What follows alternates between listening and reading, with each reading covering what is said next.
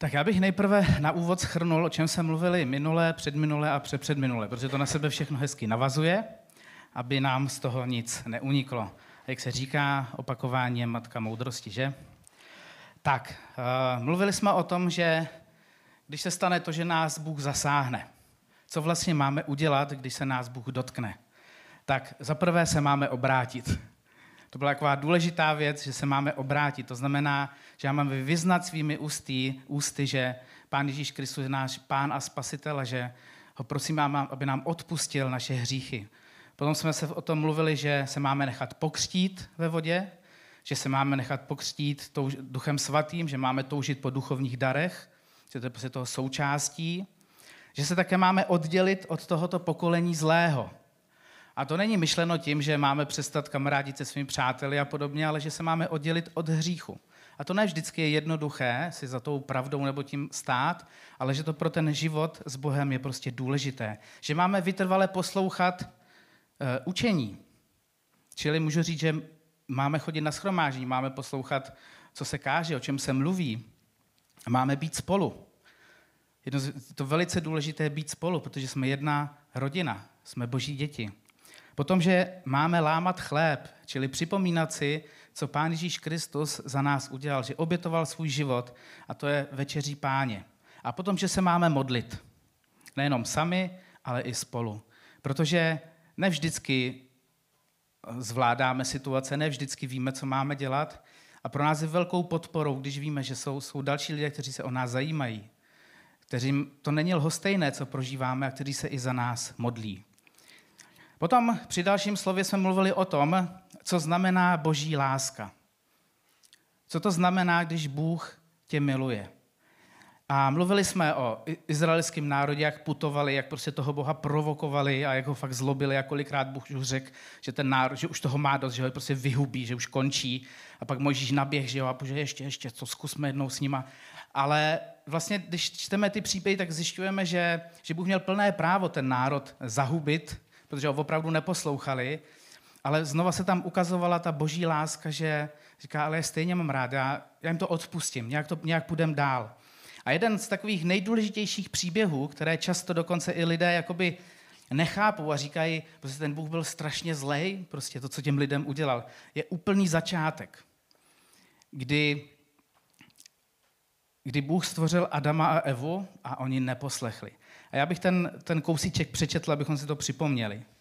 Tu uslyšeli hlas hospodina Boha procházejícího po zahradě za denního vánku. I ukryl se člověk a jeho žena před hospodinem Bohem uprostřed stromoví v zahradě.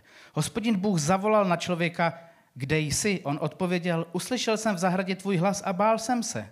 A protože jsem nahý, ukryl jsem se. Bůh mu řekl, kdo ti pověděl, že jsi nahý? Nejedl jsi z toho stromu, z něhož jsem ti zakázal jíst? A člověk odpověděl, žena, kterou si mi dal, aby při mě stála, ta mi dala z toho stromu a já jsem jedl. Proto řekl hospodin Bůh ženě, co jsi to učinila? Žena odpověděla, had mě podvedl a já jsem jedla. I řekl hospodin Bůh hadovi. A teď to pokračuje ten výčet trestů a, a věcí. Ale já jsem ukazoval na tomto příběhu, že lidé často řeknou, vidíš, Bůh je zlej, vyhnal je prostě z ráje, mohli se tam fantasticky, to je, to je zlej Bůh. Jenže když se zamyslíte nad tím příběhem, tak vidíte, že Bůh neustále klade otázky. Kde jsi? Proč se schováváš? A člověk místo toho, aby přišel a řekl, o bože, odpust, jsem zmetek, zkazil jsem to. Tak on furt háže vinu na někoho jiného. Pořád to posouvá. Dokonce Bůh říká jednu věc, a to, to mě úplně fascinuje. On, když ten člověk na to nereaguje, Adam, on říká, nejedl jsi z toho stromu, z něhož jsem ti zakázal jíst? On mu přímo říká to, co on udělal. Čili to je jak doma, že jo? když prostě eh, nerozbil si náhodou ten lustr, když jsme tady nebyli? Ne, ono samo. Úplně se mu nabízí, říká, tohle si udělal? A člověk říká, ne, to ta žena, kterou si mi dal, ona je ta zlá. A jde to dál. A Bůh měl právo v tom momentě člověka zabít. A on říká, on ho jenom vyhání, samozřejmě mu stěžuje ten život, ale nezabíjí ho a prokazuje tu svou lásku. Pak minule už jsme mluvili o tom, kdo tedy je Pán Ježíš Kristus, že to je spasitel a pán. Mluvili jsme o tom, co, co vlastně Ježíš udělal za obrovskou oběť. Co Bůh udělal za obrovskou oběť, když poslal svého jediného syna, aby každý, kdo v něho věří, nezahynul, ale měl život věčný. My si dokážeme představit, že obětujeme sami sebe za své dítě, nebo jo, vběhneme do té kulky, nebo něco prostě takového, ale aby jsme svoje dítě vzali a obětovali za někoho jiného, je pro nás nepředstavitelné. Až bych řekl nemožné. A Bůh toto udělal. A vlastně jeden z takových eh, pro mě klíčových eh, míst v Božím slově, aby jsme pochopili, kdo Pán Ježíš Kristus je a kdo byl a co pro nás udělal, je místo z Lukášova Evangelia 23. kapitole vlastně ten závěr. Ten příběh, kdy už je ukřižovaný na kříži a vedle něj visí dva zločinci. A tam je napsáno, jeden z těch zločinců, kteří vyseli na kříži, se mu rouhal. To jsi Mesiáš, zachraň sebe i nás. Tu ho ten druhý okřikl. Ty se ani Boha nebojíš? Vždyť jsi sám odsouzen ke stejnému trestu a my jsme odsouzeni spravedlivě. Dostáváme zaslouženou odplatu, ale on nic zlého neudělal. A řekl Ježíši, pamatuj na mne, až přijdeš do svého království. Ježíš mu odpověděl, amen pravím ti, dnes budeš se mnou v ráji. To je strašně silný a mocný příběh. Kdy tomu zločinci, který skutečně zabíjel, byl to prostě vrah a kdo ví co všechno, mu najednou dochází, kdo vedle něj visí. A, říká, a kdo poznává, že to je Bůh a říká, rozpomeň se na mě. A Ježíš říká, ještě dnes budeš se mnou v ráji. Ani ten zločinec neřekl, ty jsem totální hříšník, prostě jenom v té hlavě měl tu myšlenku, to uvědomění si toho, kdo vedle něj je a Ježíš viděl do jeho srdce a říká, ještě dnes se mnou budeš v ráji. Tohle Pán Ježíš Kristus udělal pro tebe, tou obětí. Ty možná nevraždíš, nezabíjíš, ale jsi také hříšný člověk. A Pán Ježíš říká, prostě přijď ke mně, jsem tady pro tebe. A dnes budeme mluvit, co znamená žít s Pánem Ježíšem Kristem, co znamená život s Ježíšem. Spasení přijímáme zcela zdarma. A jinak to ani není možný. Nelze si ho prostě zasloužit, protože moc dobře víme, kdo jsme. Rád říkám, jenom když ráno vlezete do auta, Jo, dobře jste odstartovali ten den a vyjedete ven, první křižovatka, druhá, teď vám tam někdo zakličkuje, teď prostě tam někdo vlíte na červenou a vy to prostě nezab, jen tak tak dobrzdíte. Tak první, co prostě je, tak prostě v 99% člověk začne prostě nadávat. Ale pokud někomu nadávám, již prostě dělám něco špatně, že jo? Někomu prostě nadávám, jsem zlej na někoho. To je prostě hřích. A my si často ten život, my projdeme celý ten den a už to zážem za hlavu, že jo, ty detaily, ale nechováme se správně. Prostě spasení není možné si zasloužit, protože jako lidé, jen co se zbudíme, tak už nestartujeme správně. Na druhé straně přijetí Ježíše jako pána se má v našem životě plně realizovat. Praktickým vzorem pro nás je apoštol Pavel, který v jednom okamžiku svého života mohl napsat, to je v Galackém druhé kapitole, jsem ukřižován spolu s Kristem. Nežijí už já, ale žije ve mně Kristus. Podobně mluví apoštol Jan ve svém prvním listu. Kdo říká, že v něm zůstává, musí žít tak, jak žil on. Tradiční křesťanství přijímalo Ježíše jako osobu lidem nesmírně vzdálenou. Pokud předkládalo nějaké vzory, bylo to, byly to často apoštolové, a i tito však byli bráni jako vzor nedostižné, k nímž jen pohledět byla nesmírná drzost a smělost. Boží slovo nám však říká úplně něco jiného. Ježíš je skutečně naším vzorem. On je takovou tou laťkou, ke které má náš život stále směřovat. Nikdy se s tou laťkou nemůžeme stotožnit zcela, protože jedině Bůh mohl žít na této zemi úplně bez hříchu. Ale ve všech ostatních směrech je nám však reálným vzorem. V lásce, v modlitbě, poslušnosti, v běžném denním životě. Abychom jej mohli následovat, potřebujeme stále prohlubovat znalost Bible a hledat vedení Duchem Svatého, abychom jim přenesli do svého života. Může být nám pomocí rada zkušených křesťanů nebo případnou korekcí. V Matouši 6.33 je napsáno, Hledejte především jeho království a spravedlnost a všechno ostatní vám bude přidáno. Do našeho života bychom měli postupně vnášet žebříček hodnot, který stanovil Bůh a ne lidé. Většinou lidé staví na první místo sebe, byť třeba nevědomky, poté rodinu či práci, nakonec církev a Boha, anebo taky ne. Ale písmo Bible nám ukazuje pořádek opačný. Za prvé Bůh, za druhé rodina, za třetí církev, za čtvrté práce a já s velkým je jsem až někdy naposled. Někde naposled. Ono se musí menšit, to j, to moje já, a Bůh se svým způsobem, se svým působením musí v našem životě růst. Víte, jako mladý křesťan jsem si myslel, že boží slovo v uvedeném verši uh, přece jen, že to je přece jen jakoby trochu přehnaný. Že není možné dát boží slovo skutečně ve všem na první místo. Že je třeba přece některé věci dělat rozumně. Ale s těmi pár lety, co mám, jsem se přesvědčil, že v tomto případě má Bible stoprocentní pravdu. Lidé, které jsem viděl dát na první místo svého života svoje partnery, neměli přes veškerou snahu šťastné manželství. Mnozí manžela či manželku prostě ztratili. Ti, kteří se snažili rozmnožit či zachovat svůj majetek na úkor božích přikázání, ve srovnání se štědrými křesťany nakonec chudli. Člověk, který nemá zkušenost s Bohem, pro něj to může znamenat připadat jak nějaká pohádka. Je to však realita Božího království, v něm platících zákonů.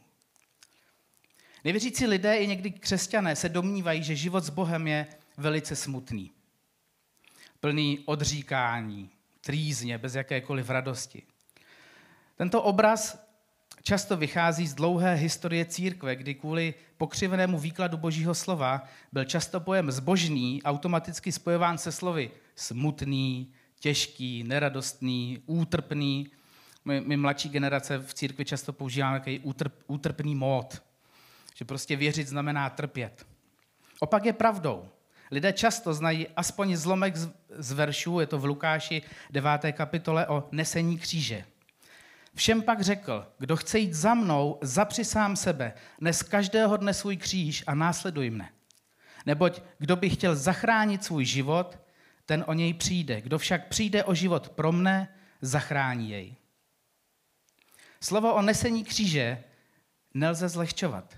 Život křesťana není procházkou růžovou zahradou. Je naplněn někdy tvrdou prací, mnohdy i tím zmíněným sebezapíráním.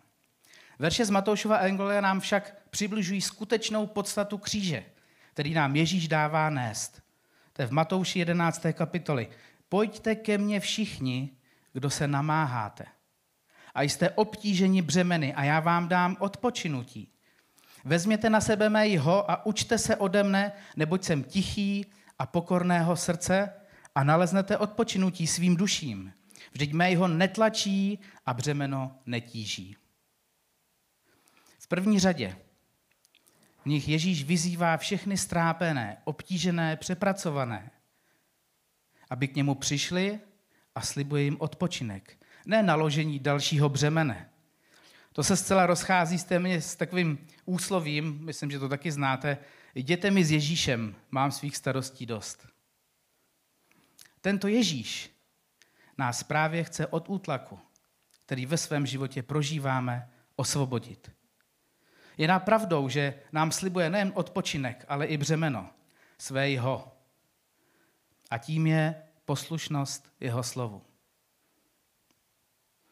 Říká o něm však, že nás nebude tížit, protože je lehké.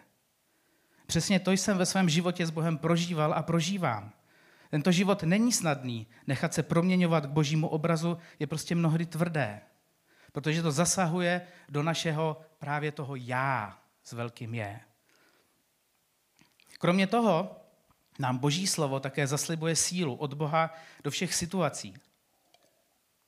Když se budeme k němu obracet, když budeme u něj hledat radu a vedení. Ve Filipském 4. kapitole je napsáno, všecko mohu v Kristu, který mi dává sílu. Aby naše cesta s Bohem skutečně nebyla obtížená zbytečnými břemeny, k tomu nám slouží víra. Boží slovo a modlitba. Víra, Boží slovo a modlitba. O modlitbě si můžeme povědět jindy, o víře mluvme teď. Co nám o víře říká Boží slovo? Že je, že je v každém případě velice důležitá. V Židům 11 je napsáno, bez víry však není možné zalíbit se Bohu. Kdo k němu přistupuje, musí věřit, že Bůh jest a že se odměňuje těm, kdo ho hledají. Víra je tak důležitá, že se bez ní nemůžeme Bohu líbit. V takovém případě jistě, jistě stojí za to zjistit, co ta, co ta víra, co ta víra prostě je a jak ji získat, případně nestratit. Když někdy čteme nebo posloucháme vyučování o víře, většinou se uvádí jeden verš, takový proto důležitý. V Židům 11. kapitole první verš je napsáno. Věřit Bohu znamená spolehnout se na to, pardon, věřit Bohu znamená spolehnout se na to, v co doufáme a být si jistý tím, co nevidíme. Pro mě doteď tenhle ten verš, když ho vezměte takhle ven, vytáhneme z té Bible, je prostě strašně těžko uchopitelný. Uh, abstraktní. Pro mnoho lidí je to prostě neporozum, jako nejsou schopní tomu prostě porozumět. Mnoho křesťanů toto místo čte v různých překladech s různými komentáři a přesto té větě úplně nerozumí. Ale my máme úžasnou věc. Ten verš pokračuje dál. To, to je ta celá kapitola v Bibli, která mluví o víře. Ta věta prostě nestojí sama o sobě. Je pouze úvodem kapitoly, která celá pojednává o víře je velice obsažná a zároveň srozumitelná. A my se musíme naučit číst Bibli prostě jako celek, ne si z toho vytrhnout veršík a pak na tom stát. Často tak děláme a pak tomu prostě nerozumíme. Často se mluví úplně o něčem jiným. My, my to jenom nějak pochopíme. Ale pokud si vezmeš tuhle tu kapitolu, tu, tu eh, jedenáctou kapitolu Židům a přečteš si jí, tak začneš rozumět tomu, co znamená ta první věta, ten první verš, co znamená ta víra. Jako vzory lidí chodících ve víře nám totiž uvádí biblické postavy. Jejichž příběhy jsou buď to obecně známé, nebo si je můžeme v Bibli snadno najít právě prostřednictvím odkazů, kdy se v té kapitole o tom mluví. Prostě přečtěte si tu kapitolu a přemýšlejte nad tím, jak je to propojení s tím, s tím prvním veršem. Když to budeš číst, tak právě zjistíš, že ti citovaní hrdinové víry jsou mnohokrát dobře pochopitelní. Například to, že Noé postavil archu podle božího návodu, se zdá v celku normální. Byla to sice grandiozní práce, ale co by člověk neudělal, když němu přímo a osobně promluví Bůh? V tom příběhu se však již nehovoří o tom, že archu Noé stavěl 120 let.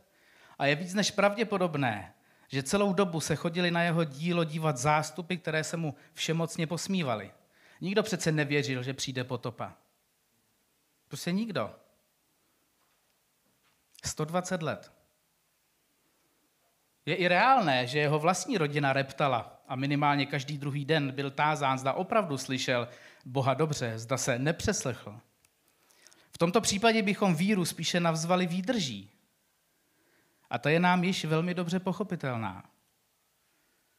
On prostě něco přijal a on prostě vydržel. Jaký my máme problém vydržet pár měsíců, týden, rok? On to stavil 120 let. A věřím, že ty zástupy lidí tam prostě byly. Ty se fakt museli bavit. Úplně si to představím, jak se tam rozprostřeli piknik, jo, prostě nějaký grill party, tam seděli, prostě pili, no a prostě měli kino na 120 let, že jo, prostě bomba. A on pevně stál a stavěl. Nebo o Henochově víře se dozvídáme jen jedinou větu. Henoch chodil s Bohem. I toto je nám pochopitelné. Dovedeme si představit, co, co je to každodenní život s Bohem. Prostě žijeme každý den s Bohem, prostě náš život je s ním, řešíme s ním každodenní starosti, radosti, jsme s ním. Možná je to bez zázraků, bez super prožitků, prostě obyčejný život s Bohem. Zde bychom možná víru nazvali spíše věrností. Jsme prostě věrní. A tak bychom mohli pokračovat až na konec celé kapitoly. Nakonec zjistíme, že víra není tak nepochopitelný pojem, jak se mi osobně třeba i mně prostě zdálo dřív. Právě jenom tom, když si přečtete ten první verš, tak člověk se nemá čeho chopit. Ale on to pokračuje a ukazuje, co ta víra vlastně znamenala a znamená. Víte, víru si nemůžeme po libosti takzvaně vycucat z prstu. A poštol Pavel říká, že i o naší víře rozhoduje Bůh, jako ostatně o celém našem životě. V Římanům 12 je napsáno, každému z vás říkám, na základě milosti, která mi byla dána, nesmýšlejte výš, než je komu určeno, ale smýšlejte o sobě střízlivě podle toho, jakou míru víry udělal, udělil každému Bůh. Není to tedy magické kouzlo, které bychom mohli v sobě nějak vyrobit a potom jim manipulovat s Bohem, protože nám dal zvláštní zaslíbení pro modlitbu vyslovenou ve víře. Ježíš jim odpověděl, to je další místo v Matouš 12. Marek 11. kapitola. Mějte víru v Boha. Amen praví vám, že kdo řekne této hoře, zdvihni se a vrhni do moře a nebude pochybovat, ale bude věřit, že se to stane, že se stane, co říká, bude to mít. Proto vám pravím, věřte, že všecko, oč v modlitbě poprosíte, je vám dáno a budete to mít. Kromě toho stojí za povšimnutí, že v tomto zaslíbení je víře v konkrétní věci předeslána víra obecná, tedy víra v Boha jako celek. To nás přivádí k verši, který nám přece jen naznačuje, že ohledně velikosti své víry nejsme odkázáni jen na pasivní očekávání na Boha, kolik, neboli kolik víry nám udělí, protože v Římanům 10 je napsáno, tedy víra ze slyšení, slyšení pak skrze slovo Boží. Tento verš by nám mohl vnuknout představu, že když budeme hodně poslouchat mluvené Boží slovo, naše víra plynule poroste. Máme-li však na mysli slyšení našimi fyzickými, ušim, našimi fyzickýma ušima, jsme zřejmě vedle. Protože v opačném případě by, se, by stačilo zajistit produkci čteného božího slova skrze nějaký mass media a rodila by se nám spousta nových křesťanů. Případně ti stávající by dorůstali velikosti písma zmíněnových hrdinů víry. Protože bychom jenom poslouchali. Z praxe však víme, že tomu tak prostě není. Ten, kdo si hodně čte či poslouchá Boží slovo, není automaticky zralý křesťan plný víry. Prostě není. Slovo slyšet totiž Bible používá nejen v tom běžném významu, ale také ve smyslu slyšet a poslechnout. Přijmout do svého života, podřídit se. Potom je už verš pochopitelnější. Roste víra pouze toho, kdo slyší či čte Boží slovo a hledá před Bohem jeho význam pro svůj život a následně ji aplikuje pod vedením Ducha Svatého. Toho víra roste. To znamená, já slyším a plním. Já slyším a dělám. V tom momentě mi roste víra. Jestli jenom slyším, tak to nic neznamená. Protože kolem sebe prostě slyším mnoho věcí a pokud to nedělám, tak se prostě neposouvám, neměním. Je to jako v práci, když prostě slyším, ale neudělám to, tak neznamená, že to jde dopředu, prostě nejde.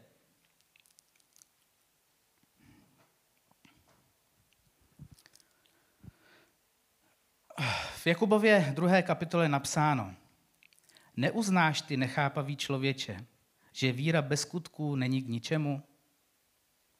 Ještě jednou, neuznáš ty nechápavý člověče, že víra bez skutků není k ničemu?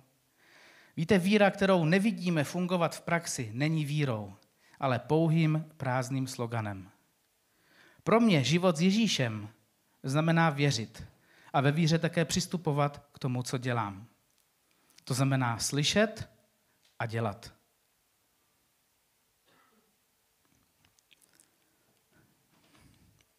Když to celé schrnu, jako na začátku, když nás Bůh zasáhne, máme se obrátit, máme se pokřtít, máme usilovat o duchovní dary, být spolu, modlit se, lámat chléb. Jako, jako lidé si máme uvědomit, co znamená boží láska. Jak je to veliké, jak nás Bůh miluje. A jak to dokazoval ať v příběhu izraelského národa na jeho putování, anebo tom, když se snažil pomoct Adamovi s Evou a vyslovením radil, jak mu mají odpovědět. On je nezahubil, ale jenom je vyhání z toho ráje. Bůh nás miluje. Také si máme uvědomit a uvědomujeme si, kdo je Pán Ježíš Kristus. Že to je spasitel a pán. Že má nesmírnou moc nad naším životem. Příběh dvou lotrů, kteří visí vedle Pána Ježíše Krista.